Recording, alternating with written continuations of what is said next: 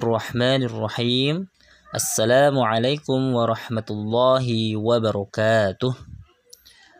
الحمد لله رب العالمين والصلاة والسلام على نبينا محمد وعلى آله وأصحابه ومن تبعهم بإحسان إلى يوم الدين. أما بعد Santriwan TPK Ibnu Abbas yang semoga dirahmati oleh Allah Subhanahu wa taala. Apa kabar semuanya?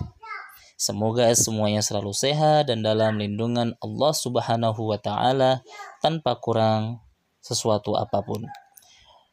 Segala puji marilah kita panjatkan kehadirat Allah Subhanahu wa taala atas segala nikmat, karunia, hidayah yang telah diberikan kepada kita dari nikmat yang paling kecil sampai nikmat yang paling besar maka sebagai seorang yang beriman kepada Allah Subhanahu wa taala sudah wajib hukumnya bagi kita untuk beriman kepada Allah Subhanahu wa taala atas nikmat tersebut. Karena janji Allah kalau kita mensyukuri nikmat Allah maka Allah akan menambah nikmatnya kepada kita. Namun kalau kita mengingkarinya maka ketahuilah bahwasanya siksa Allah sungguh sangat pedih. Salawat dan salam semoga selalu terlimpahkan kepada junjungan Nabi besar kita yaitu Nabi Muhammad Sallallahu Alaihi Wasallam beserta keluarganya, para sahabatnya, dan orang-orang yang senantiasa berpegang teguh dengan petunjuk dan ajaran dari Nabi Muhammad Sallallahu Alaihi Wasallam.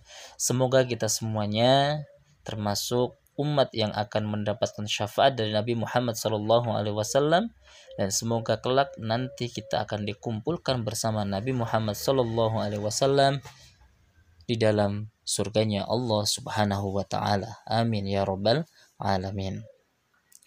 Baik teman-teman, alhamdulillah insya Allah pada malam hari ini kita akan melanjutkan kajian kita dan kita masih akan membahas tentang surah An-Nazi'at yaitu surah yang urutan surat yang ke-79 di dalam Al-Qur'an yang berjumlah 46 ayat dan diturunkan di kota Mekah. Pada pekan yang lalu dijelaskan bahwasanya Nabi Musa alaihissalam diperintahkan oleh Allah Subhanahu wa taala untuk datang kepada Firaun untuk mendakwai Firaun untuk mengajak Firaun supaya bertaubat dan kembali beribadah kepada Allah Subhanahu wa taala. Namun apa yang dilakukan oleh Firaun? Fir'aun tidak mendengarkan perkataan dari Nabi Musa, tetapi beliau, tapi Fir'aun ini mendustakan dan mendurhakai Allah Subhanahu wa taala dan tidak mendengarkan ajakan dari Nabi Musa alaihissalam. Kemudian dia berpaling sambil menantang Nabi Musa dan dia juga berkata di hadapan para pengikutnya, para pembesar-pembesar orang-orang yang berada di golongan dia, dengan berkata, sesungguhnya aku adalah Tuhan yang paling tinggi. Itu kata Fir'aun dengan sombongnya. Maka atas perbuatan itu, perbuatan tersebut, maka Allah Subhanahu wa taala berfirman di surah An-Nazi'at ayat yang ke-25 A'udzu billahi minasyaitonir rajim Bismillahirrahmanirrahim Fa'akhadahu Allahu nakalal akhirati wal ula maka Allah menghukum Fir'aun dengan siksaan yang terakhir dan siksaan yang pertama. Bahwasanya Allah mensiksa menyiksa Fir'aun dengan siksaan yang terakhir dan yang pertama. Apa maksud dari ayat ini? Para ahli tafsir menyebutkan dan ini termasuk pendapat yang paling masyhur, yang paling terkenal dan diambil kebanyakan para, para ulama bahwasanya yang dimaksud dengan siksa yang pertama adalah yaitu siksaan di dunia yang diberikan kepada Firaun. Apa siksanya? Yaitu siksaan yang diberikan oleh Allah kepada Firaun yaitu ketika Allah menenggelamkan Firaun di Laut Merah. Kita sudah mengetahui bahwasanya pada zaman dahulu Firaun dan bala tentaranya itu mengejar Nabi Musa, pengen menghancurkan Nabi Musa dan orang-orang yang beriman pada waktu itu.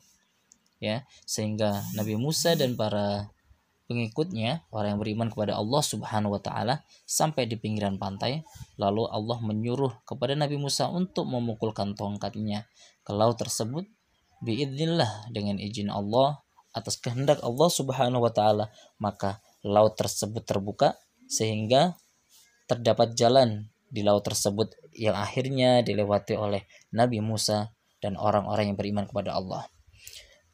Maka Fir'aun pun mengejarnya. Namun tatkala Nabi Musa sudah melewati laut tersebut dan Fir'aun masih berada di laut tersebut, kemudian Allah menutup jalan tersebut yang tadinya laut terbelah kembali menjadi satu dan akhirnya Musa dan akhirnya maaf Fir'aun la'anatullahu alaih itu tenggelam di laut tersebut yang dikenal dengan Laut Merah. Itulah siksaan yang pertama yang diberikan oleh Allah Subhanahu wa taala kepada Firaun. Ya, yaitu siksaan di dunia. Termasuk siksaan yang pertama adalah yaitu ketika Firaun meninggal. Maka ketika dia masuk ke dalam alam kubur atau alam barzakh, maka dia juga akan mendapatkan siksa yang begitu pedih di dalam alam kubur tersebut. Bahkan pagi dan sore hari Fir'aun itu diperlihatkan kepadanya yaitu gambaran siksa pedihnya api neraka yang selalu diperlihatkan kepada Fir'aun sehingga Fir'aun merasa takut, merasa tertekan ya karena dia nanti akan mendapatkan nerakanya Allah Subhanahu wa taala. Itu yang dimaksud dari siksa yang pertama. Adapun siksa yang kedua, siksa yang kedua adalah yaitu siksa yang akan diberikan oleh Allah Subhanahu wa taala yaitu di akhirat kelak. Ya. Siksa yang akan diberikan kepada Allah di akhirat kelak. Sebagaimana firman Allah Subhanahu wa taala wa yauma taqumus sa'atu adkhilu ala asyaddal adab dan pada hari kiamat itu lalu kepada malaikat diperintahkan masukkanlah Firaun dan kaumnya ke dalam adab yang sangat keras Maksudnya adalah adab neraka. Surah Ghafir ayat 46. Ini adalah siksa yang terakhir yang dimaksud di dalam surah An-Nazi'at ayat 25 yaitu siksa api neraka. Itu arti dari uh, surah An-Nazi'at ayat yang ke-25. Nah, sedangkan ayat yang ke-26 Inna fi dzalika la'ibratan liman yakhsha Sungguh pada yang demikian itu terdapat pelajaran bagi orang yang takut kepada Allah. Nah, jadi tujuan Allah Subhanahu wa taala menceritakan kisah Firaun di dalam Al-Qur'an, mengabadikan kisahnya di dalam Al-Qur'an, ya. Bagaimana Allah menghancurkannya juga orang-orang musyrik golongan dari Firaun. Itu tujuannya adalah untuk memberi pelajaran kepada orang-orang selanjutnya dan kita termasuk di dalamnya. Ya, agar kita tidak sama seperti Fir'aun dan orang-orang musyrik yang terdahulu. Agar kita tidak mengingkari kebesaran Allah Subhanahu wa taala, tidak menyekutukan Allah Subhanahu wa taala dan tidak berlaku sombong sebagaimana Firaun dan orang-orang terdahulu. Ini adalah merupakan pelajaran buat kita agar kita tidak memiliki sifat sebagaimana sifatnya Firaun dan orang-orang musyrikin terdahulu. Makanya di dalam Al-Qur'an Allah Subhanahu wa taala berfirman, "Fal yauma nunajjika bibadanika litakuna liman khalfaka ayah." Pada hari ini Firaun, aku selamatkan jasadmu ya. Untuk aku perlihatkan sebagai tanda buat orang-orang setelahmu, orang-orang setelah Firaun, sebagai pelajaran bagi orang-orang setelah Firaun. Makanya teman-teman sampai sekarang jasadnya Firaun ya Fir'aun yang durhaka kepada Allah Subhanahu wa taala, tidak mau beriman kepada Allah Subhanahu wa taala yang sombong, itu masih ada, masih utuh. Itu sebagai pelajaran buat kita agar kita jangan sampai memiliki sifat, memiliki perilaku ya seperti Firaun yang sombong, tidak beriman kepada Allah, mengingkari hari kiamat, mengingkari akhirat, tidak mengakui adanya hari pembalasan. Itu agar kita tidak seperti itu. Makanya kita sebagai orang beriman wajib hukumnya beriman kepada Allah Subhanahu wa taala, meyakini akan terjadinya hari kiamat, hari akhirat, hari pembalasan itu semua pasti ada. Makanya kalau kita tidak e, meyakini akhirat, tidak meyakini hari kiamat, maka nasibnya kita tidak akan jauh berbeda dengan Firaun yang akan diberikan siksa oleh Allah Subhanahu wa taala di dunia maupun di akhirat. Nauzubillahi min dzalik. Nah, itu teman-teman, pembahasan kita malam hari ini adalah surah An-Nazi'at ayat 25 dan 26 yang menjelaskan tentang bagaimana Allah menyiksa Fir'aun dengan siksaan yang pertama, yaitu di dunia. Ya, diberikan siksa dengan ditenggelamkan di Laut Merah, kemudian di kuburan disiksa juga. Dan juga siksa yang terakhir yang sangat-sangat besar yang sangat-sangat pedih adalah siksa yang akan dimasukkan ke dalam nerakanya Allah Subhanahu wa taala.